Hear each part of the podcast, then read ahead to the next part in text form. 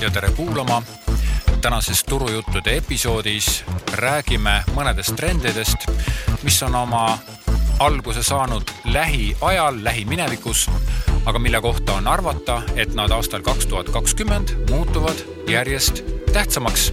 ja see kõik on ikka selle jaoks, et te teaksite, äh, millele pöörata oma turundustegevustes tähelepanu, kuidas oma turundust paremini ja tõhusamalt teha ja mida silmas pidada ja võib-olla ka seda, et mida enam mitte kasutada.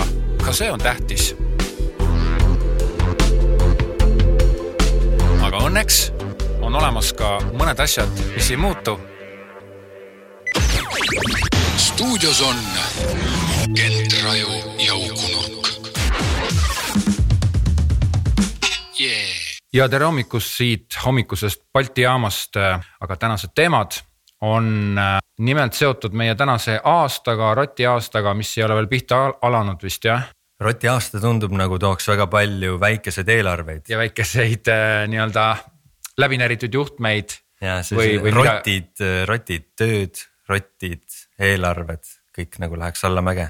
ja karjakaupa võiks mm. olla paremini töötada ju, parem just. töötada. koos on toredam piiksuda ja seina sisse auku närida.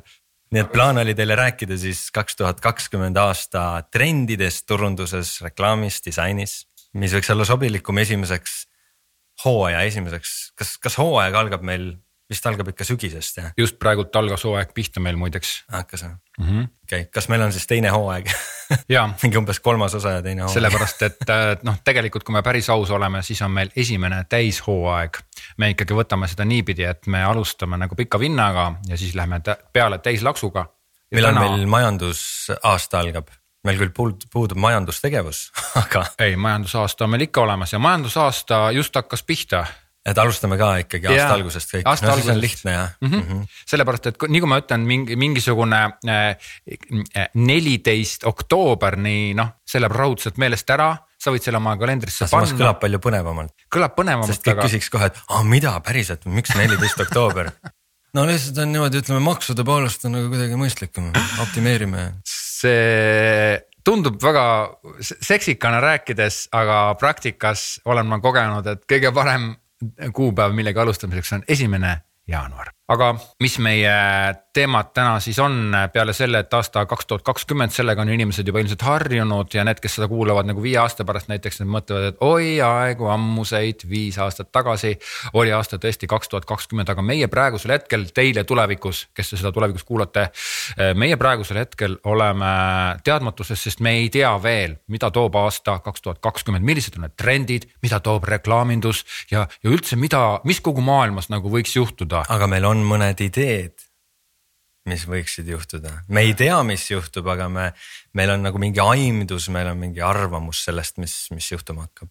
ja, ja me üritame ka ette noh, nagu rääkida teile või nagu prohvetid nagu ette ennustada teile, mis võiks olla see. meie ennustusliin on avatud, helistage numbril kaheksasada punkt, ma ei tea, mis edasi, igatahes väga-väga kallis on, see läheb läbi Iraani meil see kõne ja, ja kõik raha tuleb meile. kaheksasada kakskümmend, kakskümmend. ja see on ühtlasi ka minuti hind. saate teada, mis ootab teid elus aastal kaks tuhat kakskümmend. kui te olete turundajad, siis te saate jah teada yeah., mis teid ootab sel aastal. turundusennustusliin on selle asja nimi, nii et äh, tegelikult me üritame siis äh, paika panna seda, et millised on trendid aastal kaks tuhat kakskümmend ja eelkõige turunduses, et meie metallitööstus täna siin ei puuduta, me leppisime selle Gentiga kokku aga oleks tegelikult natukene. see oli suurem vaidlus muidugi. see on suurem vaidlus, sest noh, võib-olla saade läheb liiga pikaks. räägime eelkõige reklaamindusest, sest see teema meid huvitab mõlemaid ühtemoodi. ja kõigepealt ma tahaksingi rääkida, teha alguse lahti sellega, et ma annan sõna Kentile. sul olid mingid mõtted, räägi. Äh, ja loomulikult, mõtteid on mul kohe mitu tükki. kõigepealt, kui rääkida mingitest trendidest, kui rääkida sellest, et mis hakkab juhtuma turunduses kaks tuhat kakskümmend, siis eelkõige nendele, kes on tähele pannud, mis turunduses toimub viimastel aastatel, siis ega ühtegi üllatust, üllatust ei ole, sest sellised läbimurde üllatused, mida võiks oodata, noh nendest ei ole meil kellelgi aimu.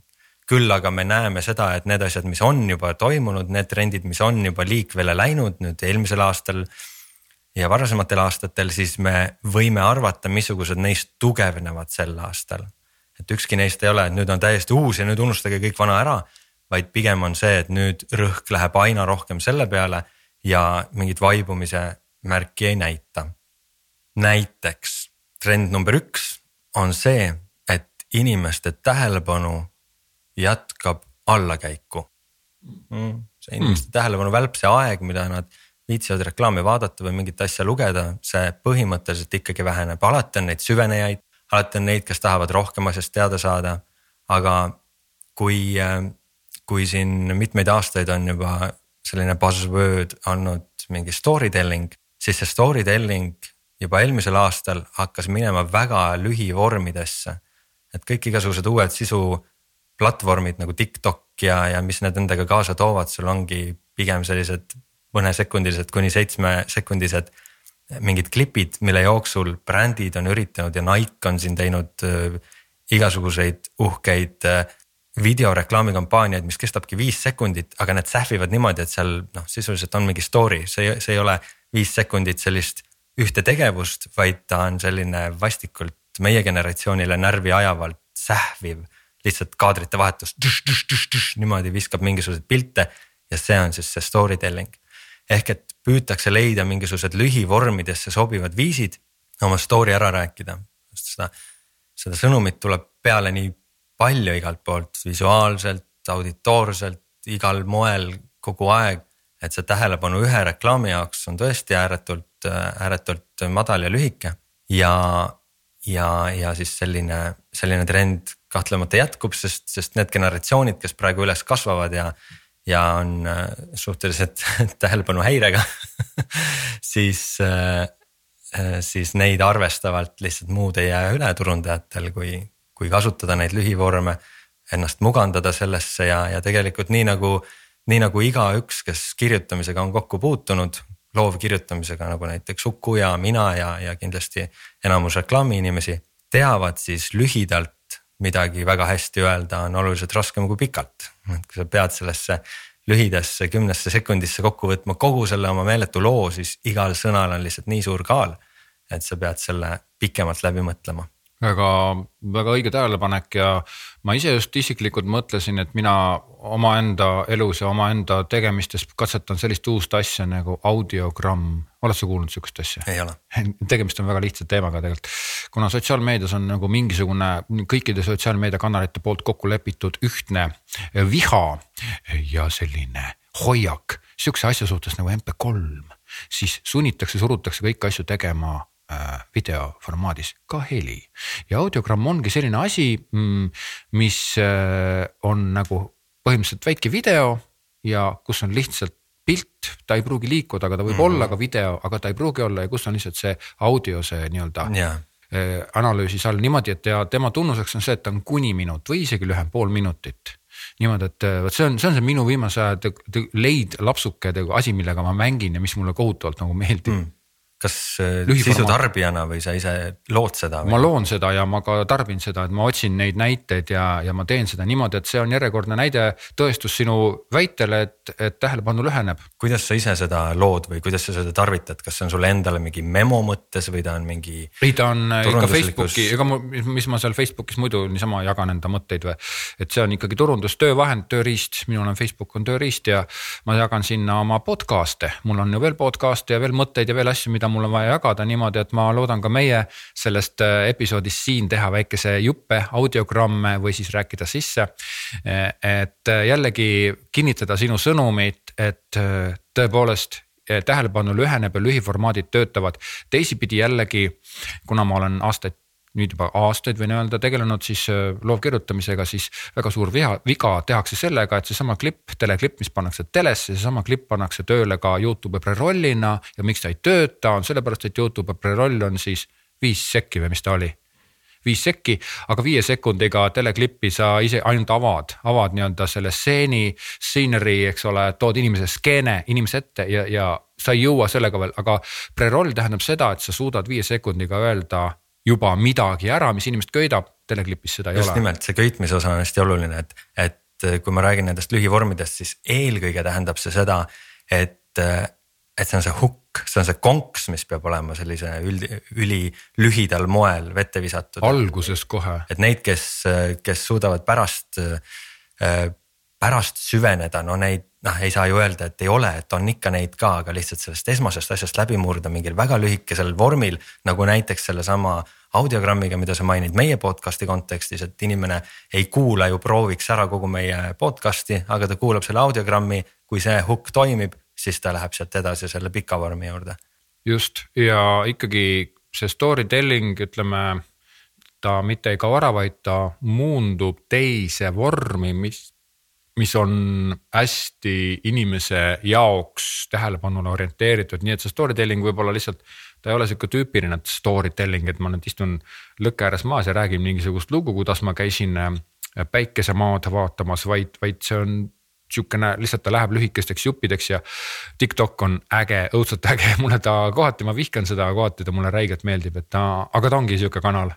kus on absoluutselt kõike, kogu maailma läbilõige, see on nagu väga karm üldiselt kõik sotsiaalmeediakanalid kipuvad olema sellised, et ühel päeval sa vihkad neid ja teisel päeval vihkad vähem. kas sa tead näiteks sihukest sotsiaalmeediakanalit nagu Periskoop?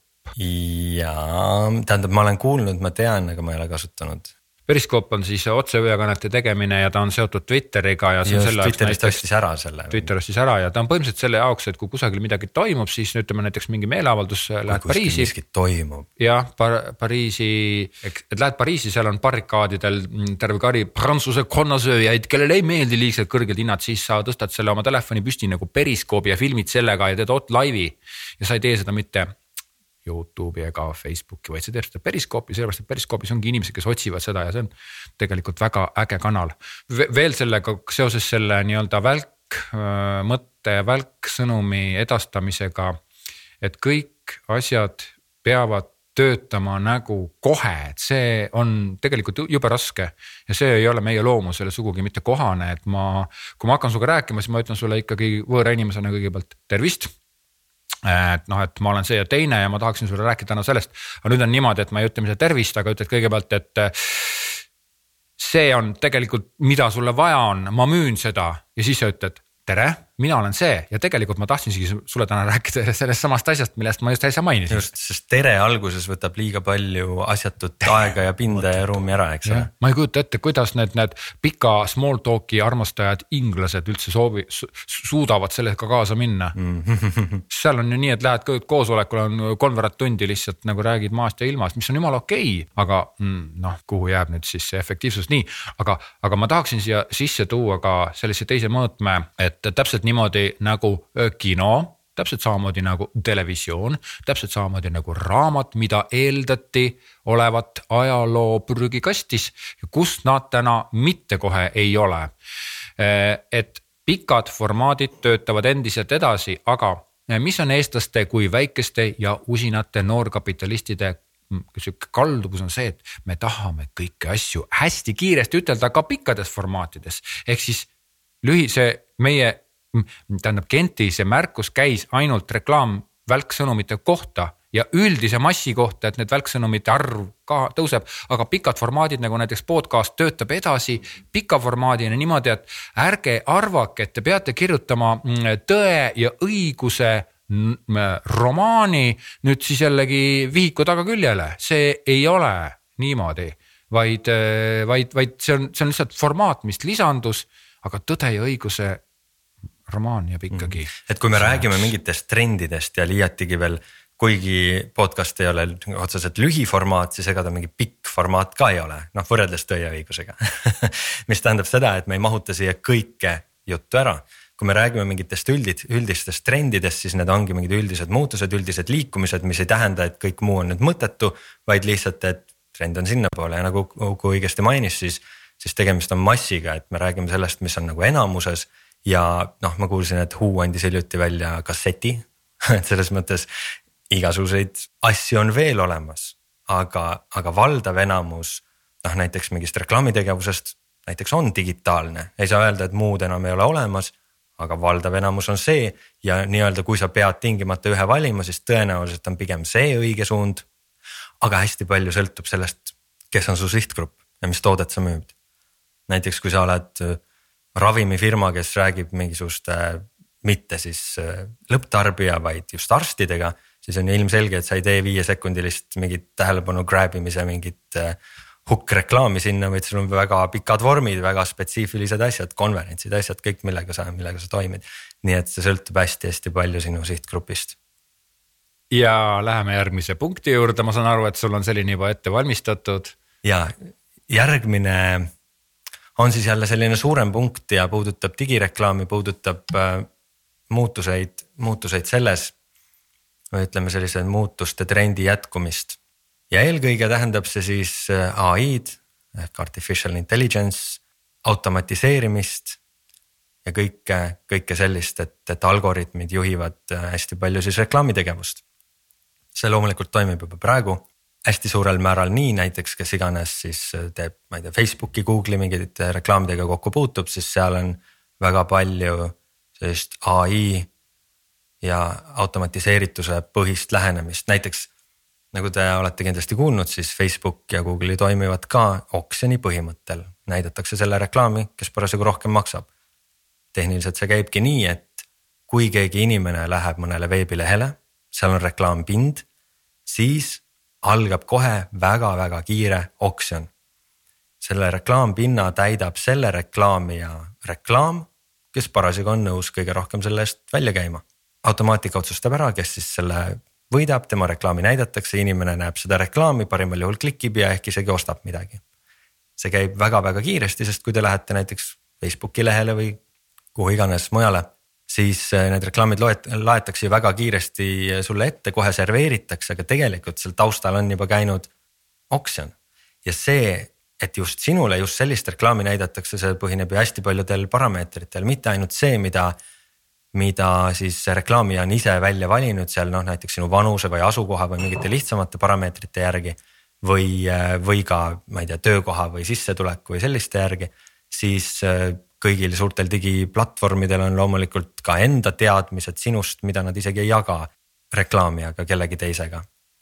mis tähendab seda, et nad suudavad välja mõelda, et ilmselt Ukule meeldiks mingisugune toode sest Uku sarnastele inimestele on meeldinud ja Uku sarnane ei tähenda seda, et ta on selles vanuses mees või midagi lihtsat, vaid seal on väga-väga palju, seal on sadu või isegi mitusada parameetrit pannakse kokku ja nende põhjal otsustatakse, et keegi on Uku sarnane mees, kellele meeldis selline toode ja noh, siis on tõepoolest üsna suur šanss, et, et Ukule võiks ka meeldida. et äh, selline automaatika samamoodi kui digireklaamis käis veel hiljaaegu tagasi suur bännerite triimine, siis äh, bännerite treimine on nüüd pigem algoritmide ülesanne. et bännereid sellisel kujul tehakse veel ka, aga veel tõhusamaks on osutunud loomulikult need bännerid, mida teeb näiteks Google või, või ka Facebook ise, ehk et äh, reklaamija annab ainult ehitusplokid, annab mingisugused variandid, mingisugused asjad. Ja, ja see platvorm ise siis loob kombinatsioonid, mis ta arvab, et toimiks. Ja õigemini ta isegi nii väga ei arva, vaid ta lihtsalt testib läbi kõik erinevad kombinatsioonid ja hakkab siis kasutama ja näitama neid kombinatsioone, mis toimivad, seejuures mitte lihtsalt neid, mis toimivad üleüldiselt, vaid näitab seda kombinatsiooni, mis toimiks Ukule, näitab Ukule ja seda kombinatsiooni, mis toimiks Kentile, näitab Kentile. siinkohal ma katkestan sind ja teeme ühe announcement'i. tänase, tänase seisuga aasta kaks tuhat kakskümmend ja jaanuar mina enda jaoks isiklikult kuulutan bänneri kui sellise surnuks.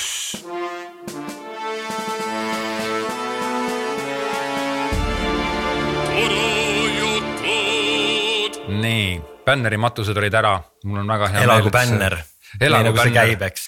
see oli lahe asi, ma olen ise ka elus teinud korduvalt ja jube palju neid nelisada kuuskümmend kaheksa korda kuuskümmend pikslit ja. ja praegusel hetkel on nad vist tuhat kaheksakümmend korda tuhat kaheksakümmend või on isegi mingisugused muud mõõdud, vahet ei olegi, kaheksasada korda kaheksasada töötab ka, aga täht tähtis oluline asi on selles, et mida, millist mõtteviisi bänner esindab, ta esindab seda, et äh, ma lihtsalt näitan sulle mingist pilti mingisugusest asjast. Äh, mis, mis ma arvan, et sulle meeldib ja sa lähed sinna, klikad sinna peale ja ostad selle ära, et, et see mõtteviis minu jaoks on ajaloo prügikastis veel mitte, aga ta juba ühe jalaga on. turunduses ja sellest digitaalturundusest äh, veel rääkides ja trendidest, siis, siis nii nagu see automatiseeritus juba iseenesest tõhustab kogu seda protsessi, aga mida ta veel tähendab, on see, et et turundaja roll nagu mõtlemise roll jääb tegelikult väikesemaks, sest aina enam otsustavad algoritmid, mis on kellelegi hea ja mis toimib. ja tõesti, nad on selles päris osavad kuigi algoritmide puhul ma endiselt, mulle meeldib kogu see algoritmide värk ja minu arust see on lahe kihvt, aga, aga ma ei ole enda puhul veel le leidnud ega näinud, et nad töötaksid väga. et nad töötaksid laitmatult, nad töötavad töntsilt ja nad on ikkagi lapsekingades veel. iseenesest mulle ongi alati selline natuke kraabib kõrva, kui räägitakse ai-st ehk siis tehisintellektist, et tegelikult jah, mulle meeldibki rohkem seda nimetada lihtsalt automatiseerituseks, algoritmideks, kõik see, mida ta ongi et tehisintellektist on asi ikka veel mõnevõrra kaugel, sest mingid intellekti tunnused on õige piiratud seal.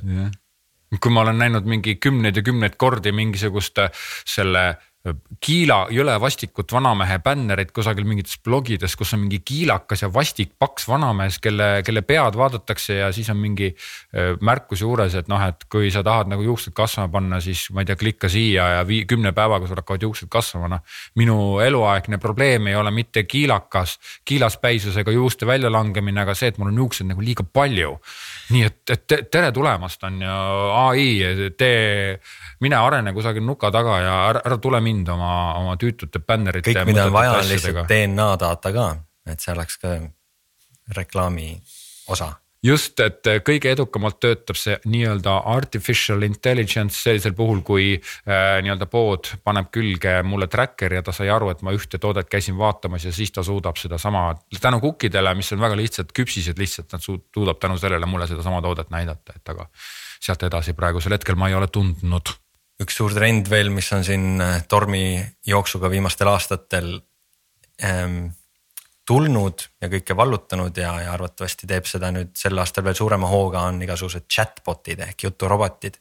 jälle üks selline ai äh, variant ja eelkõige siis on noh, mis iganes äh, suhtluskanalile saab selle juturoboti külge panna, aga, aga Facebookis on see siis eriti, eriti kõva teema. on ka või? absoluutselt. oled sa kogenud sellist asja? ma olen kogenud seda mitmelt poolt jah, et, et äh, ise juurutades ja ise ohvriks langedes.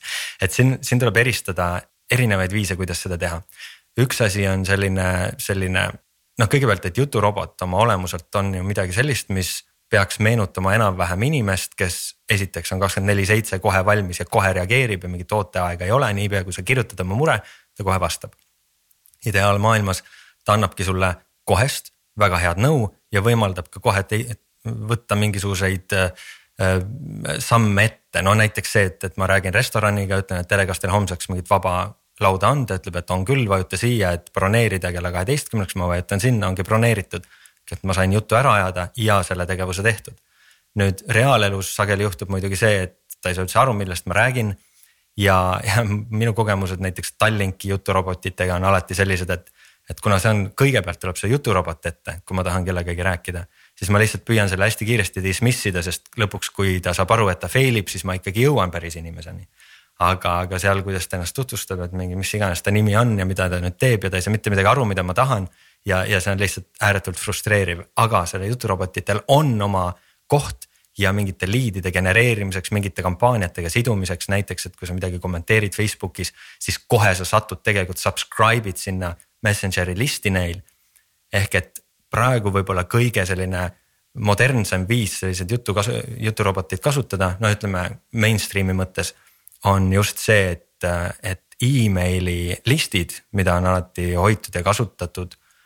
Need siis muutuvad pigem Messengeri listideks, et, et sa oled kohe seal, saad kohe selle sõnumi, loomulikult seal on samamoodi unsubscribe optsioon, aga praegu veel ei ole neid juturoboteid nii palju, mis tähendab seda, et inimesed ei ole sellest veel nii tülgastunud. et tegelikult need avamismäärad on palju suuremad kui emailide puhul näiteks. just lugesin ühe emaili turundaja ähm, artiklit, kus ta ütles, et ta on omakorda ühes meililistis, kus on sada neli maailma mingit kõvemat mm, emaili turundajat. ja nende võrgustikes, nende saja nelja emaili turundaja võrgustikes on kokku üle saja kahekümne miljoni inimese siis selles nagu andmebaasis. ja, ja mida ta ütles, et mida nad näevad nagu kõik need sada neli ja kogu selle suure baasi pealt nad tunnetavad, et, et kuigi nad puhastavad kogu aeg oma neid andmebaase niimoodi, et see emaili avamise määr on üsna konsistentselt seesama, mis ta on olnud, siis viimastel aastatel väga järsult langeb seal emaili sees linkide klikkimine. ehk et see engagement selle emaili sees nagu langeb oluliselt ja noh, siin ongi siis see vastus äh, juturobotid. aga nii nagu igasugused trendid, noh nendele minnakse hooga peale praegu USA-s kaheksakümmend protsenti ettevõtetest on öelnud, et nad sel aastal tahaksid teha juturoboti, ühesõnaga kõik sellised asjad toimivad üldjuhul seni, kuni neid ei ole liiga palju. ütleme, see esimene laine vähemalt, kunagi ma arvan, et tõesti see ai jõuab nii kaugele, et noh, sa ei saagi aru, kas on juturobot või ei ole ja kui ta lahendab su probleemi, siis sul ei olegi väga vahet. aga seni, kuni see on sellistes lapsekingades ja lihtsalt on mass väga madala kvaliteediga asja, siis ma noh, näen siin seda küllastumise momenti. ehk et kuigi ma ütlen, et see kaks tuhat kakskümmend on kindlasti juturobotite aasta, siis ma kergelt ettevaatlikumalt ütlen, et kas tasub selle laineharjaga nagu tingimata kaasa sõita.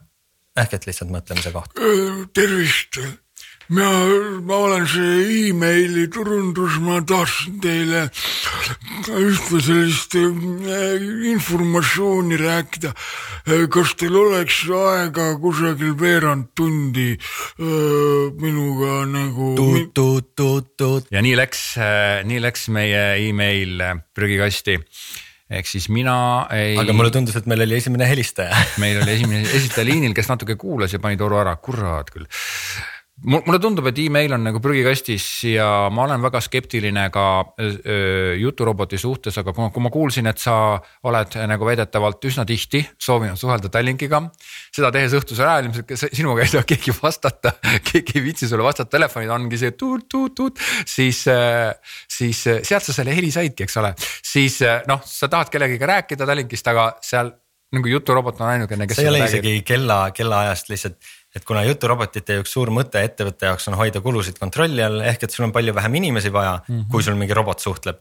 siis nad kasutavad seda selliseks esimeseks filtriks, et äkki juturobot lahendab mingi, ma ei tea, viiskümmend protsenti muredest ära ja mul on ainult viiskümmend okay. protsenti vähem inimesi vaja küll aga ta kahjuks veel ei lahenda. juturobot on, on väga huvitav ja kihvt asi ja ma ootan huviga seda kohta, kus ta hakkab nagu päriselt ka tööle, sest praegusel hetkel on minu ja enda jaoks küll niimoodi, et kui ma näen, et mingisugune chat'i aknakene avaneb, kus on automaatne robot, ütleb tere, mina olen Helen. või, või tere, mina olen Mari, mis sa tahad täna küsida minu käest, siis, siis ma panen ta lihtsalt kinni, et see ei minu jaoks ta ei ole veel päris see, aga, aga kindlasti see olengi mina, eraisikuku nurk, mitte loovjuhtuku nurk, eraisik loovjuhi, loovjuhina mõtlen, et vau wow,, fantastiline, õudselt lahe, äge. ja tõesti aitab kulusid kokku hoida, sellepärast et kui ma mõtlen, et ma peaksin endale palkama nagu telefonitüdruku, kelle, kes tahab nagu saada. minna siis puhkusele, minna lõunale, tahab korralikku töökohta ja nii edasi-tagasi, et noh, et see on kohutavalt kulukas ja kohutavalt tüütu, et äh, tõepoolest chat'i robot, miks ka mitte. Äh, mul on muidugi see häda, et ma ise olen omal ajal, kui veel Flash Flash oli, ma olen nagu nii-öelda programmeerinud neid äh, juturoboteid, et sa ütled talle tere ja siis ta vastab sulle tere ja siis äh, noh, et aga muidugi see äh, nii-öelda vast-, vastuste asi tuli nagu random random vastused olid nagu random laused, et kui ta, kui inimesed sisse trükitud jutu sees oli see sõna, siis ta vastab random'ina ühest viiele, ühest viie lausega ja, ja noh, et, et ma, ma nagu arvan, et ma olen jube nagu kõva käsi tänu sellele ühele pisikesele või paarile-kolmele kogemusele ja ma nagu tunnetan sedasama skeemi läbi, on ju, et. et tegelikult on juturobot tegemist lihtsalt online'is ja väga kiire Java-põhise otsimootoriga, mis otsib sellest sinu sisestatud tekstist mingisuguse märgusõna ja vastavalt sellele pakub koheselt sulle vastu, näiteks, et kui ma ütlen, et noh, et et kas teil lapsele on äh, sellest Tallinkist nagu turvatoole, siis juturobot arvab kohe, et ma, et noh, et kuna ta on laps ja siis, siis ta pakub kohe mingi teise asja seoses lapsega. umbes ei ole, aga meil on umbes lastele hambaniiti müüa, et noh, et, et, et, et see, see on teisipidi jällegi väga suur võimalus, aga, aga okei okay,, see on minu, minu skepsis ja see mm. ei puutu. eelkõige ongi küsimus, et kuidas seda kasutada, et jah, et üks on see klienditeenindus, kus ta mingite lihtsate operatsioonidega saab hakkama ja veidi keerulisemate või valesti sõnastatud asjadega juba mitte. aga näiteks mingite liidide tekitamine, hoidmine, esimene selline funneling. too mõni näide. noh, näiteks ongi, et kui sul on mingi, mingi reklaamikampaania, sa ütled seal, et ma ei tea, tee, tee midagi, et, et saada. noh, näiteks, et, et kommenteeri, et olen huvitatud. kui sa tahad saada, noh, Kent Raju uue raamatu reklaamitrikk kümmet esimest lehekülge, okei okay kirjutab sinna, et olen huvitatud, nii. see kontakt on ilmselt juba nagu terake väärtuslikum kui lihtsalt mingi random reklaaminägija, ta viitsis midagi teha. nüüd ta läks kohe sinna juturoboti külge, see märksõna ja selle kasutaja info. see juturobot kirjutab talle, et haa, kuule, tšau, pöördudes tema nimega tema poole, tšau Uku. kuule, sa olid huvitatud sellest Kent Raju raamatust reklaamitrikk, et, et mis, mis ala mees muidu oled, noh näiteks. Nii, sa vastad, et kuule, reklaamiala mees, aa okei okay,, kuule, aga raamatu saad siit.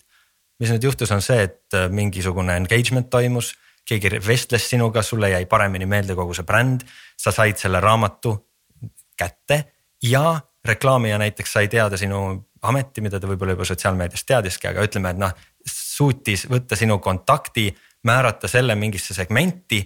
mis tähendab, et nüüd hakkab sinu peal tööle mingi järgmine automation, kas seal Messengeris või emailiga sulle saadetakse kõigile loovjuhtidele nüüd selline kursus, sest nad juba teavad, et sa oled. ühesõnaga, et see, kuidas sa seda kasutad, seal on potentsiaali ja selgelt see asi areneb ja läheb paremaks ja ja lihtsalt on oluline teha mitte lolle otsuseid selles, et mõelda, et see on mingi elupääste ja nüüd laseme inimesed lahti vaid ta suudab, nii nagu igasugune ai tänapäeval, väga spetsiifilisi asju teha hästi, aga sa pead saama aru, mis see spetsiifiline olukord on ja mitte laiendama seda nagu kõigele. okei okay,, näiteks niimoodi, tere, kes sa oled? mina olen prostituut ah,, okei okay., kõikidele prostituutidele nüüd libestite sooduspakkumine, lennake sinna. näiteks nii jah kuule, aga rääkides, kui sa rääkisid sellest, et kuidas sa Flashile tegid kunagi neid noh, nii-öelda juturoboteid ja, ja ma mäletan ka seda ilusat aega. kui Flash oli noh, ikka üleüldine. Action kuningas. Script kaks ja Action ja, Script kolm, jah. ja, AS see oli äge. ja, ja siis äh, kas sa mäletad ka äkki üheksakümnendatest seda tekstipõhiseid äh, mänge? MUD oli selle lühend maad. kahjuks, kahjuks mitte. et et, et oligi nii, et sul ei olnudki mingit graafilist interface'i, sul oligi ainult tekstipõhine. sa kirjutad, et mingi keeran paremale. noh, ja siis sulle öeldakse, et sa näed suurt mäge huh,, okei okay., lähen otse.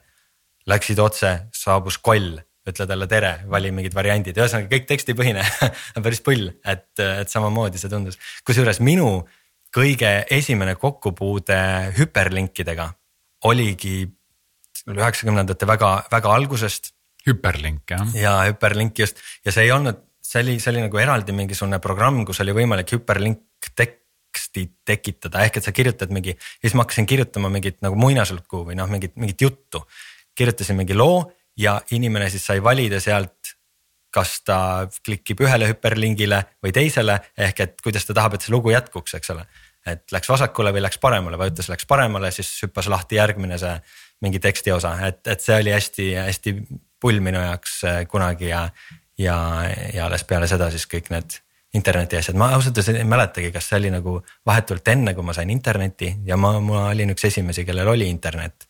tõesti üheksa tuhat kuussada baudi äh, modemiga siis helistasin sinna ja enne internetti veel oli Fidonet, kas sa sellega oled kokku puutunud mm? -hmm. kus siis tuli helistada mingisugusesse serverisse ja seal olid mingid failid. sai üles umbes, et, et sul oligi nagu mingi krediit, et mida rohkem sa üles laed, seda rohkem sa saad siis alla laadida ja igasugust noh, mis iganes, mingid tekstid, mingid need blondiini naljad, mis toona levisid. mingi noh, porno, mis iganes, kõik, kõik asjad, et selline interneti eelkäija Fidonet oli päris, päris pull jah, tegelikult ma ikkagi tuleksin tagasi selle juturoboti juurde, et, et ilmselt on see juturobot ka mõnevõrra selline äh,.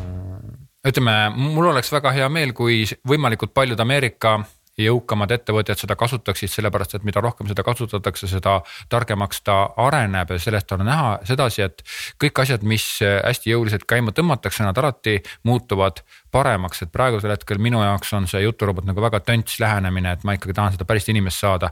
aga jällegi mõne, mõnele tegelasele, võib-olla ka nooremale põlvkonnale väga meeldib selline noh, juturobot ongi, et sa, sa ei tahagi kellegagi konkreetselt suhelda, aga sa suhtled mingisuguse skriptiga, mis on sinu jaoks tehtud ja ta annabki sulle seda, mida sa tahad, et.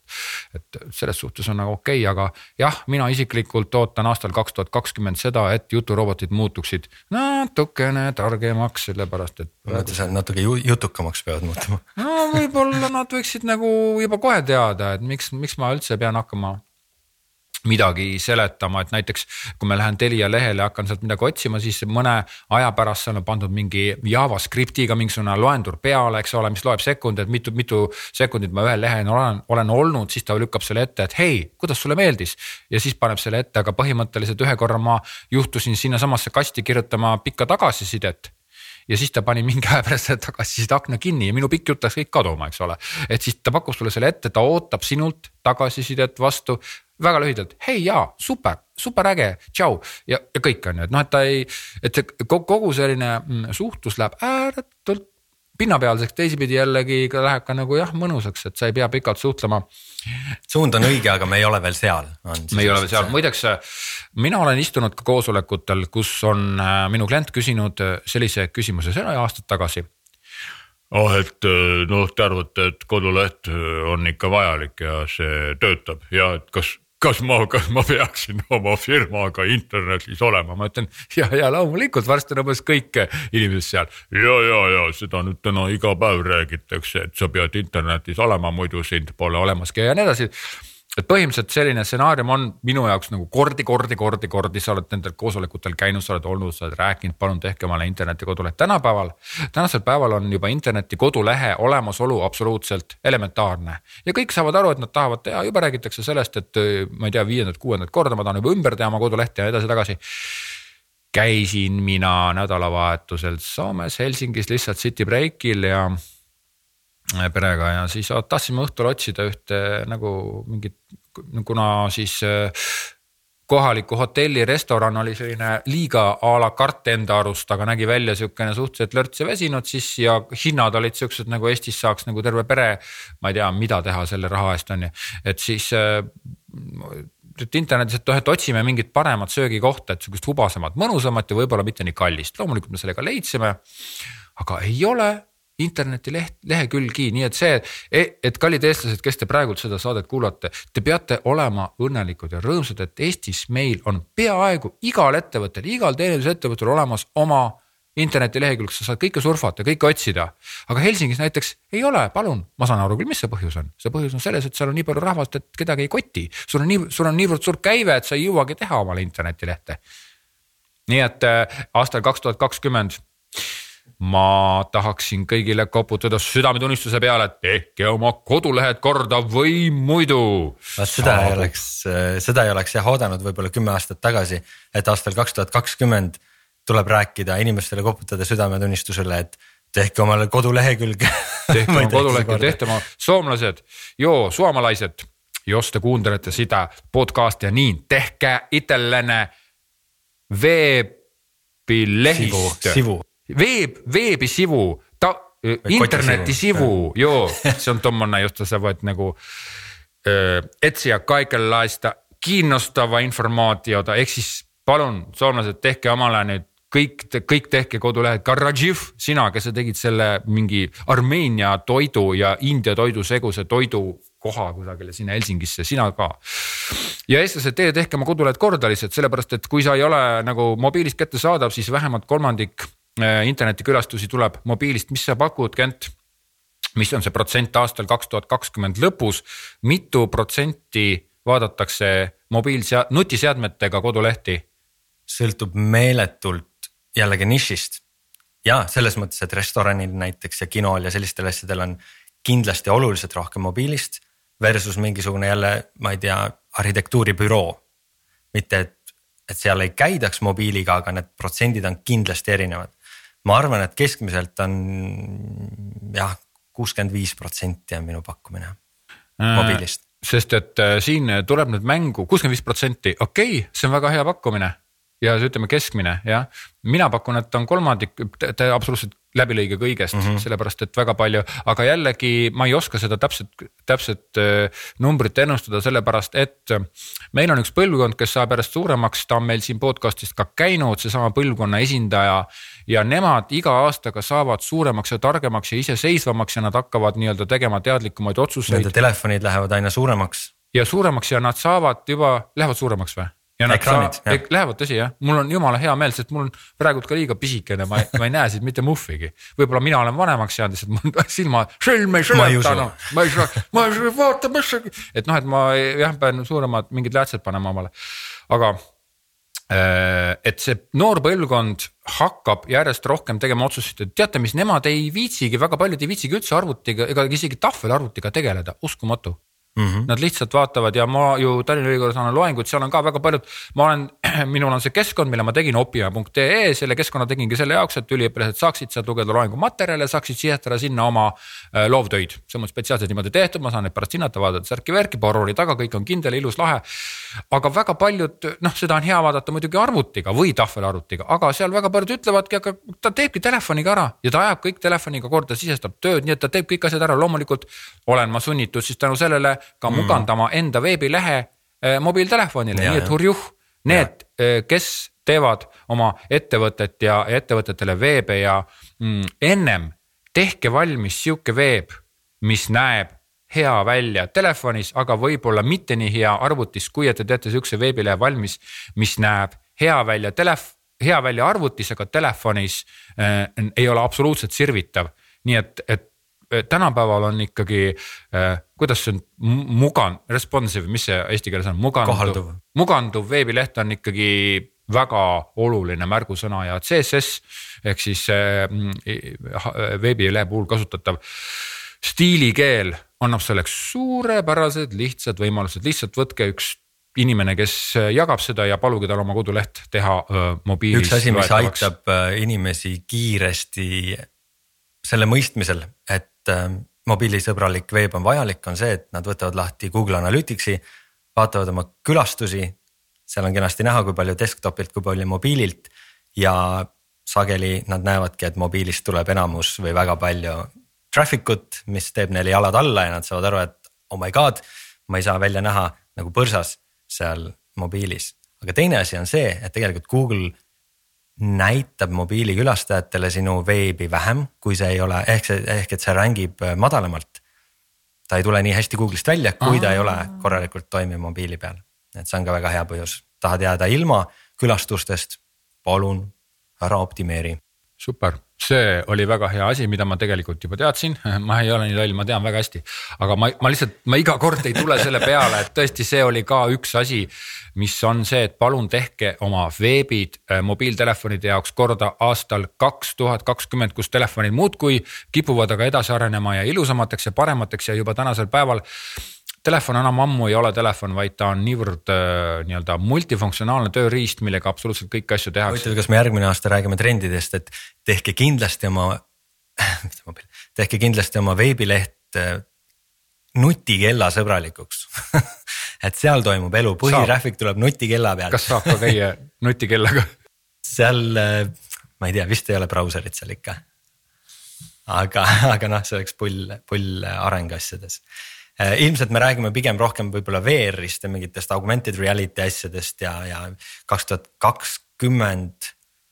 ma ei tea, kas nüüd või, või paari aasta jooksul tegelikult oodatakse seda järgmist lainet, kus tõesti tulevad need prillid ja, ja panevad sulle lisakihi siis informatsiooni peale kõigele, mida sa vaatad ja see muudab meeletult palju turunduses ka muide ja ma tahtsin seda öelda, et kõik, kes veel ei ole proovinud, siis minge kohe praegult, pange sa- saade pausile, pärast tulge muidugi tagasi ja minge kohe välja tänavale, õue. saadet pausile ei pane. ei, aga muidu see saade jääb üksinda ju koju mängima. ei, see tuleb kaasa. tuleb kaasa võtta, okei okay,, võtke siis saade kaasa, Kent, Kent ei luba jätta koju, eks ole. võtke saade kaasa, nii ja minge õue, avage oma nutitelefonis äh, tänavale õue linnas te olete, eks ole.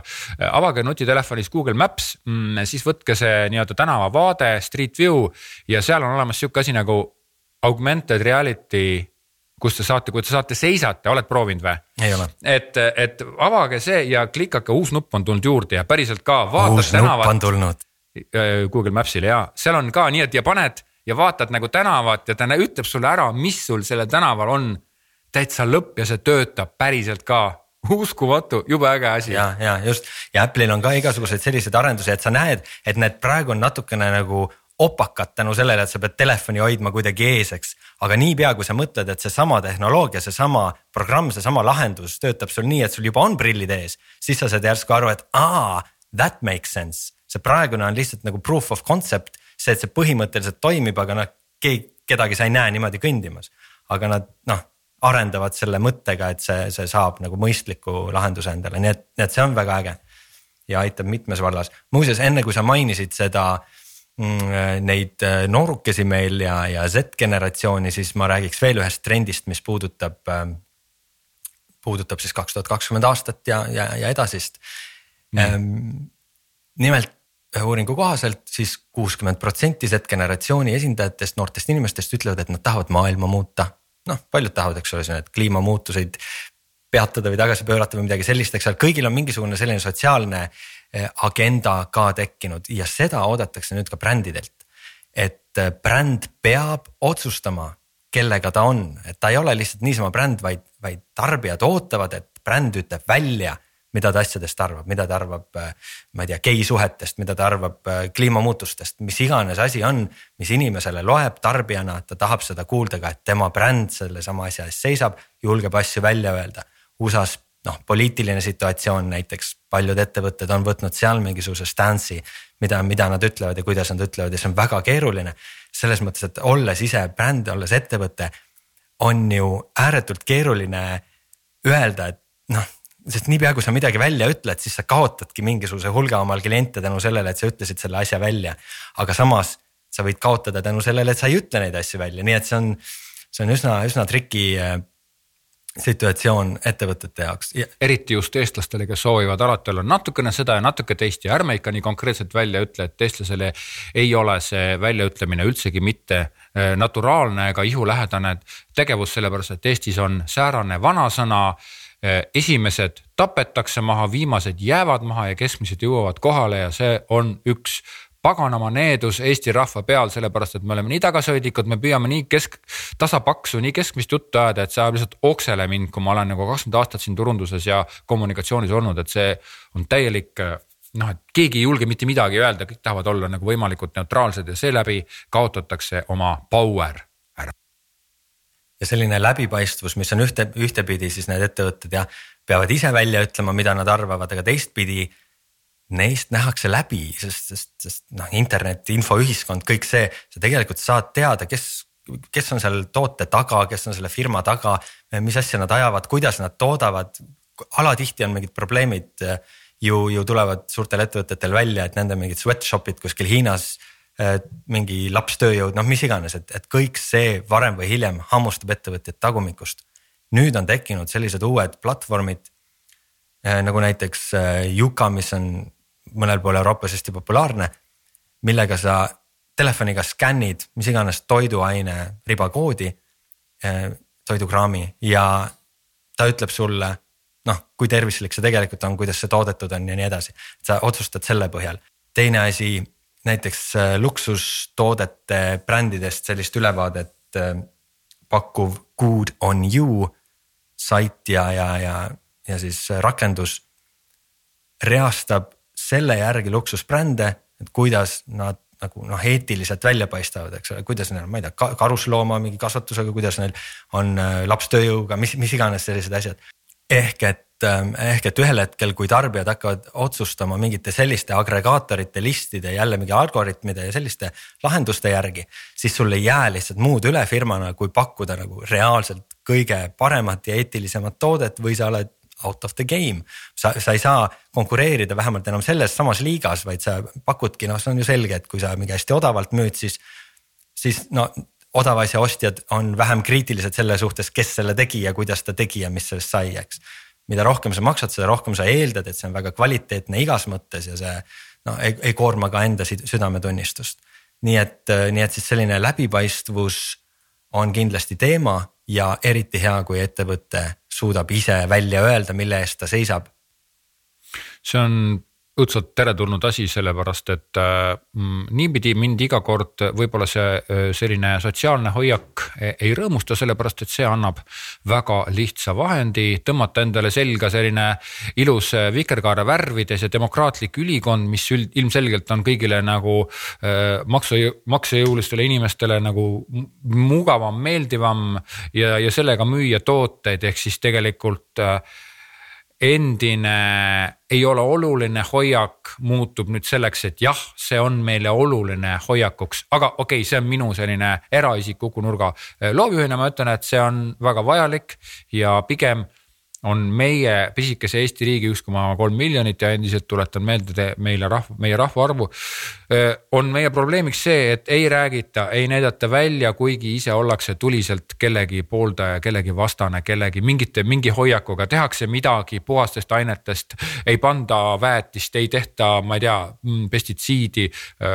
ei tehta, võib-olla ei kasutata mingi Hiinast lapstööjõuga tehtud väikeseid äh, villapallikesi, mida iga laps tund aega teeb ja mida müüakse tonnidega, eks ole. nii et noh, see, see kõik on väga oluline ja eestlased peavad hakkama liituma suure maailmaga ükskord nüüd ometigi ja, ja peavad olema äh, avatud ka sellele imagoloogilisele sotsiaalsele väljundile. see oli pikk ja igav jutt, aga ma loodan, et te saite sellest aru. mis äh, mind tegelikult teeb võib-olla noh, natukene sihukeseks mm, äh, mõtlikuks on see, et, et äh, ka mina ise hetkel tegelen persooni brändiga. ja, ja ka mina ise enda jaoks, ma panen oma brändi paika. kas sinul on persooni bränd, Kent? loomulikult. jah yeah?? mina, kuigi ma olen ka nii kaua töötanud äh, reklaamiagentuuris, siis ma olen olnud kogu aeg kuidagi nagu see pole noh. nüüd, kus ma olen freelancer ja kui ma pean ise nagu oma asju tegelema ja müüma ja iseenda eest seisma, mul ei ole mitte mingisugust kaitsvat korporatiivset keha. mille, mille, mille sees ma nagu tegu, tegusid teen või mille nime alt ma tegusid teen, olles oma nime all, vaid ma olen ainult ise, siis äh, päriselt keeruline on ennast nagu defineerida ja nüüd, kui ma lähen selle brändingu ehitamisega järjest sügavamale, sügavamale, ma juba ka tegelen omaenda missiooniga, ka minul peab olema missioon. ja kui raske on enda missiooni paika panna, õudselt raske missioon ja visioon kus ma olen kümne aasta pärast, no tõesti vabandage väga, ma ei tea, kus ma kümne aasta pärast olen, aga mulle tulevad meelde äh, agentuuri aastatest need korrad, kus ma olen mingitele ettevõtetele paika pannud oma missiooni ja visiooni ja teinud ja rääkinud ja jauranud seda. ja ma peaks ütlema seda, et kogu see bränding on Eesti firmade jaoks kusagil kuuekümne, seitsmekümne protsendi Eesti firmade jaoks absoluutne pullikaka, sellepärast et kuigi pannakse paika oma missioonid ja visioonid ja väärtused ja väärtushinnangud ja väärtusmaailmad, siis tegelikult sellest ei peeta kinni. Nüüd, kui sa ütlesid, et järjest tähtsamaks muutub brändide mm, sotsiaalsed hoiakud, siis teades ise praktiliste kogemuste põhjal, mida Eesti ettevõtjad arvavad oma missioonidest ja visioonidest, see on lihtsalt üks mõttetu sõnakõlks. või noh, midagi, mis on ja, ja väga tähtis on ju, aga mida, mida üldse ei rakendata oma reaalses elus, siis mul on kangesti sihuke tunne, et. et seda on, on keeruline ellu viia eh, eestlastel, sellepärast et me tuleme natuke teistsugusest keskkonnast ja iseenda näite puhul ma saan väga hästi aru, et selle jaoks, et ma hakkan omaenda missiooni, visiooni ja väärtushinnanguid kommunikeerima ja ma hakkan seda kommunikeerima, on vajalik üks asi. ma pean muutuma ise ehk siis mina pean muutuma ise aga, aga üheksakümmend protsenti inimestest ja Eesti ettevõtetest ei soovi ise muutuda, vaid nad soovivad lihtsalt teenida rohkem raha, et osta omale suurem, pikem auto ja minna kaugemale puhkusereisile.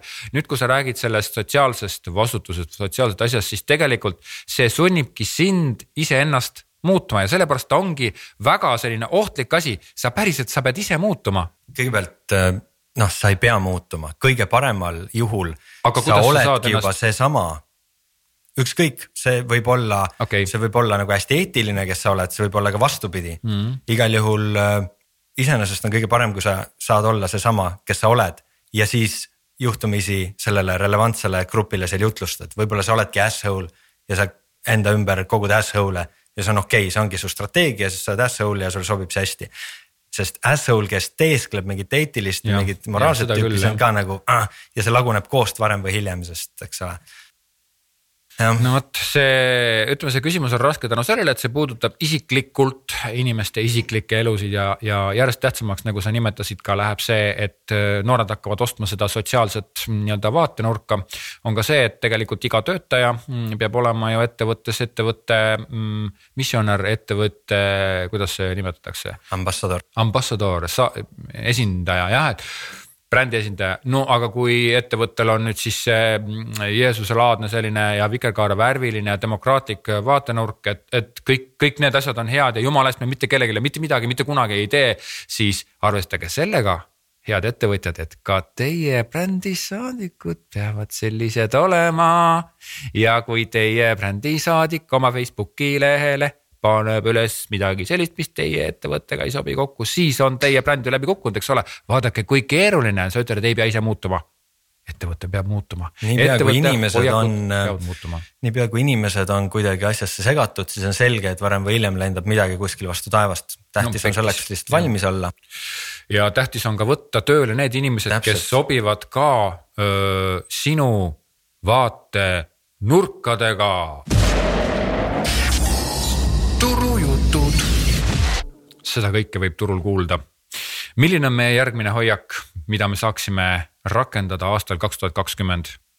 võib-olla mainiks siis ainult ühte veel, et kuidas muutub, kuidas muutuvad otsingud, kuidas muutub see tehnoloogia, mille läbi inimesed jõuavad sinuni aina rohkem läbi häälotsingute. nüüd kõigepealt see puudutab eelkõige loomulikult ingliskeelset turgu, sest eesti keeles noh, meil ei ole sellist harjumust ega, ega ka telefonid ei, ei võta vastu meie, meie kõnet selliselt, et noh, me ütleme lihtsalt, et, et äh, hei, see ja teine telefoniassistent. et äh, kus on lähim burgeriputka et see tuleb ikkagi inglise keeles sõnastada, et nad sellest üldse aru saaks ja selle päringu teeks, aga see puudutab Eesti ettevõtteid sellegipoolest, sest päris paljud Eesti ettevõtted on ju suunatud välisturgudele ja tegelikult optimeerivad ka oma saite just sellele, sellistele turgudele. nüüd äh, need hääleotsingud, mis kasvavad väga jõudsalt, kaks tuhat üheksateist aastal juba kasvasid ja ilmselgelt kaks tuhat kakskümmend läheb see edasi. ja jälle puudutab eelkõige siis noori, kes kasvavadki nii üles, miks nad peaks trükkima midagi kuhugi ekraani peale klaasi vastu kirjutama. kui nad saavad öelda, mida nad tahavad, siis need otsingud on natukene teistsugused, nad on natuke pikemad, nad on natuke sellised vestluslikumad oma ülesehituselt, et me kõik oleme ju tegelikult konditsioneeritud tegema Google'i otsinguid selliselt, et äh, burger, Tallinn noh, mis iganes, eks ole, mingid sellised märksõnad lihtsalt reastame, nagu me räägiks robotiga, nagu me oleks ise robotid. et sellised, et kuule, aga kus on kõige paremad burgerid üldse mingi täna mingi noh, et sellisest enamasti Google ei saa aru, sest need lehed ei ole selliselt optimeeritud.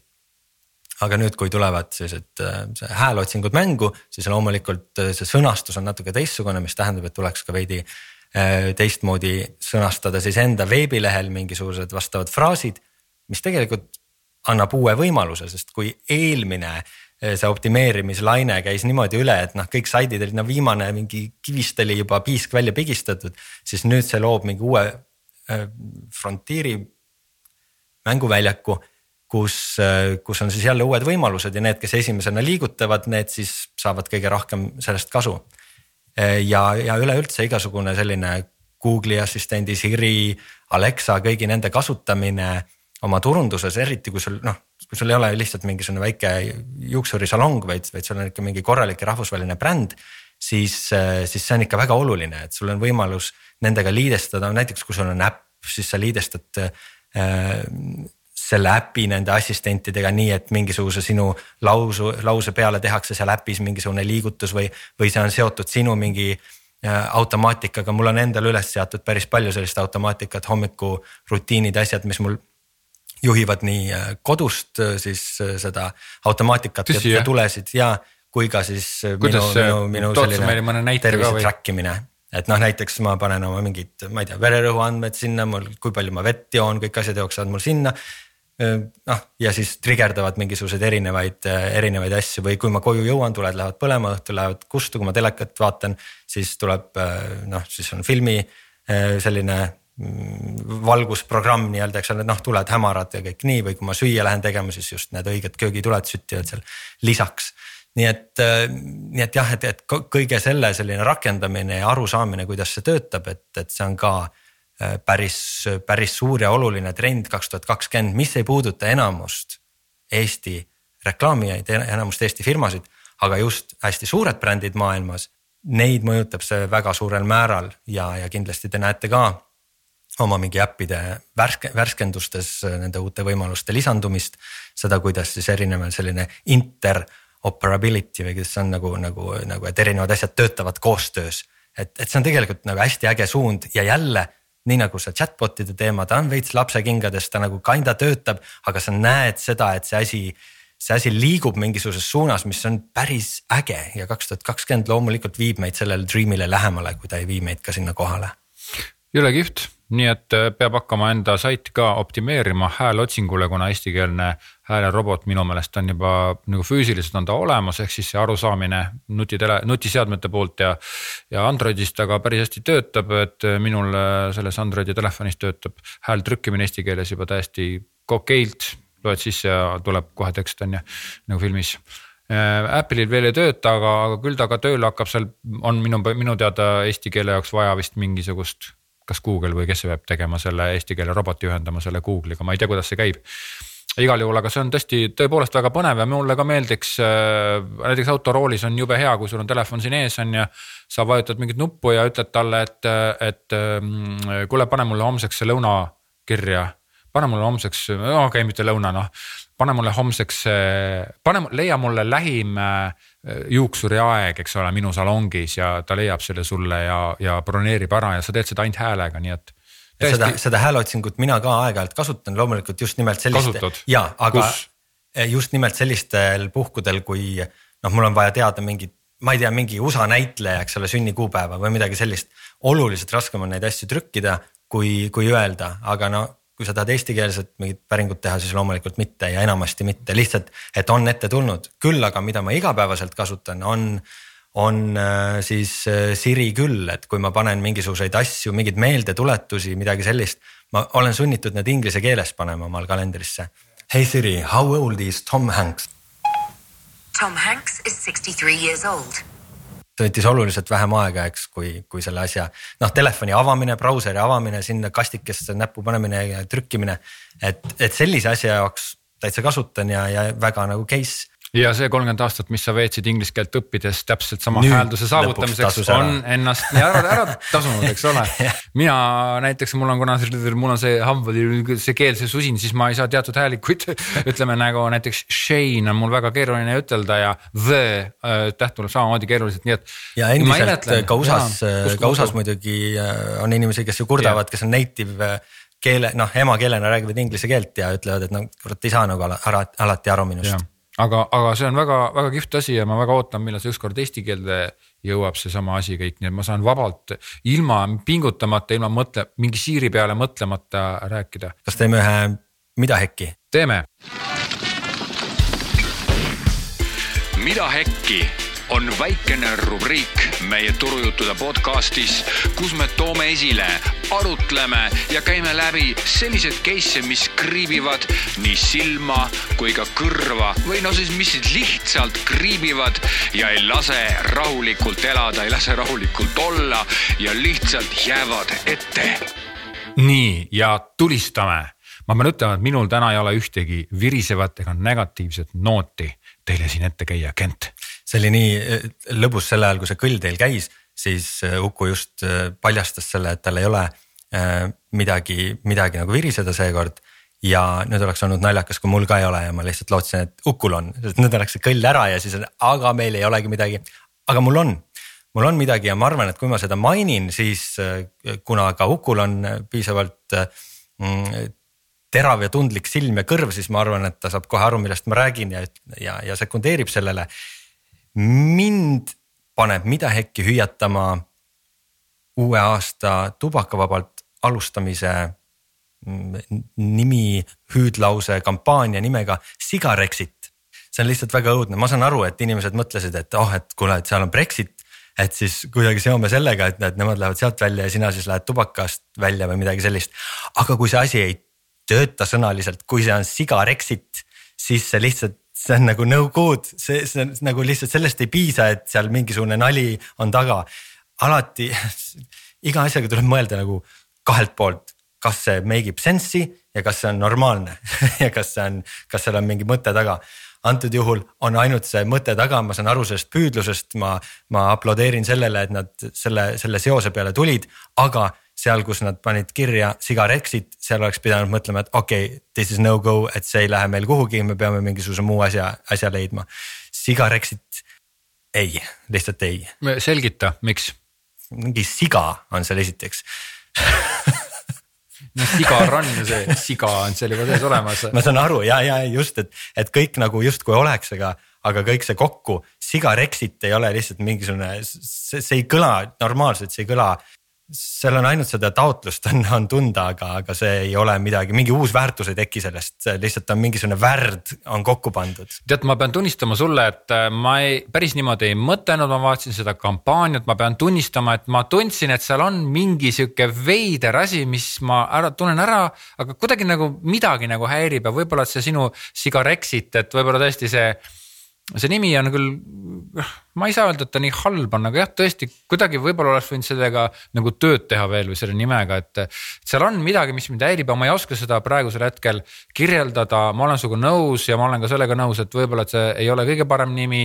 teiselt poolt jälle, kui ma kaitsen seda, siis ma ütlen, et ta annab väga arusaadava vihje, aga okei okay.. võib-olla suitsust oleks saanud näiteks sellise toreda ühendi nagu Sexit Sexit, muide, mul just mõtlesin, mul on nagu ko kohviks, ei ko kohvit, koh ma sain kohvi otsa, siis on see, siis on selle asja nimi kohvik, okei. Okay.. et noh, et, et ma nagu kohvist, kohvist loobun, aga selge. tegelikult, kui sa rääkisid seda, siis mul tuli ikkagi üks mida hekki asi meelde, aga see ei ole nii tugev ja ma ei ole selles nii põhimõttekindel nimelt ma väga austan Eesti Televisiooni, hommikutelevisiooni äh, stuudiokujundajaid, kes on juba aastakümneid kujundanud sellised ääretult kummalise värvi ja kummalise mm, tonaalsusega stuudioid. Ja eelmine stuudiokujundus oli minu arust täiesti ikkagi prillitoosi oma ja ma arvan, et sellel on oma põhjus selles, et seda just siuksed inimesed vaatavadki, uus kujundus on digitaalne ja ägedam, ma pole kõiki võimalusi veel näinud, aga äh, siia Mida Heiki rubriiki ma tooksin välja ühe sihukese elemendi, mina ei saa vaielda, kas see helesinine värv mulle meeldib, kas see tonaalsus mulle meeldib, ei meeldi, see on isiklik. aga üks asi, mille ma välja toon, on see. Te kutsute hommikutelevisiooni väga palju väga erinevaid inimesi ja sealhulgas ka naisterahvaid. kõik naisterahvad tahavad alati televisioonis head välja näha, nad ka meigitakse ära ja väga paljud teevad ka eelnevalt omale varahommikul soengud pähe. ja uus stuudiokujundus näitab inimesi erakordselt halvasti ja koledasti eh, välja arvatud teid, head saatejuhid, kes te seda saadet juhite, sellepärast et teie oskate juba selle stuudio värvidega nagu kaasa minna, te oskate olla selles, aga need, kes tulevad külalised, nad näevad kuidagi haledad välja. nii et äh, aga see, see on, võib-olla see on ainult, võib-olla see on ainult mina, võib-olla keegi teine seda ei tunne. et, et mm, ma sain, sain selle nagu välja ütelda, aitäh teile väga huvitav, ma vaatan nüüd selle pilguga, ma olen seda uut kujundust muidu vaadanud ka selliselt, et ma äh, ma, ma nagu ise tunnen, et ma ei ole ära otsustanud et mis temaga nüüd täpselt on, et ma vaatan teda ja nüüd ma vaatan ka seda nüanssi, mida sa välja tõid, väga huvitav. üks asi, mida ma äh, sageli panen tähele Eesti mingites äh, ka sarjades ja, ja, ja sellistes saadetes. noh, saadete puhul on eriti kaks asja üks on see, et, et heli tavaliselt ei ole, et helimees on maha unustatud lihtsalt ETV-l vähem, aga, aga kommertskanalitel nagu üsna sageli just sellised reklaamsaated nagu mingid noh, nagu neil seal hommikuti on nädalavahetusel.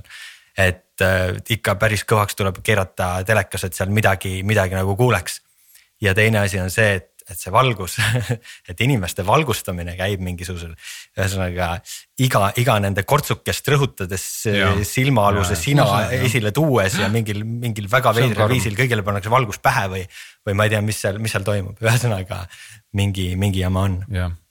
Täitsa nõus või siis teine variant on see, et lastakse valgus otse näkku, mis teeb inimese sellest näost teeb nagu täiskuu niimoodi, et ta on sihuke suur ümmargune, küll ilma kortsudeta, aga ta on iga, iga näoga, ilusa näo teeb sihukeseks ümmarguseks ja koledaks, et lapikuks, nii. nina ja silmad ainult paistavad, jah. missugused, kas sul on veel mõni trend meiega jagada või, või tahad sa öelda oma lõpusõnad, et ma saaksin peale seda öelda oma klassikalised lõpusõnad?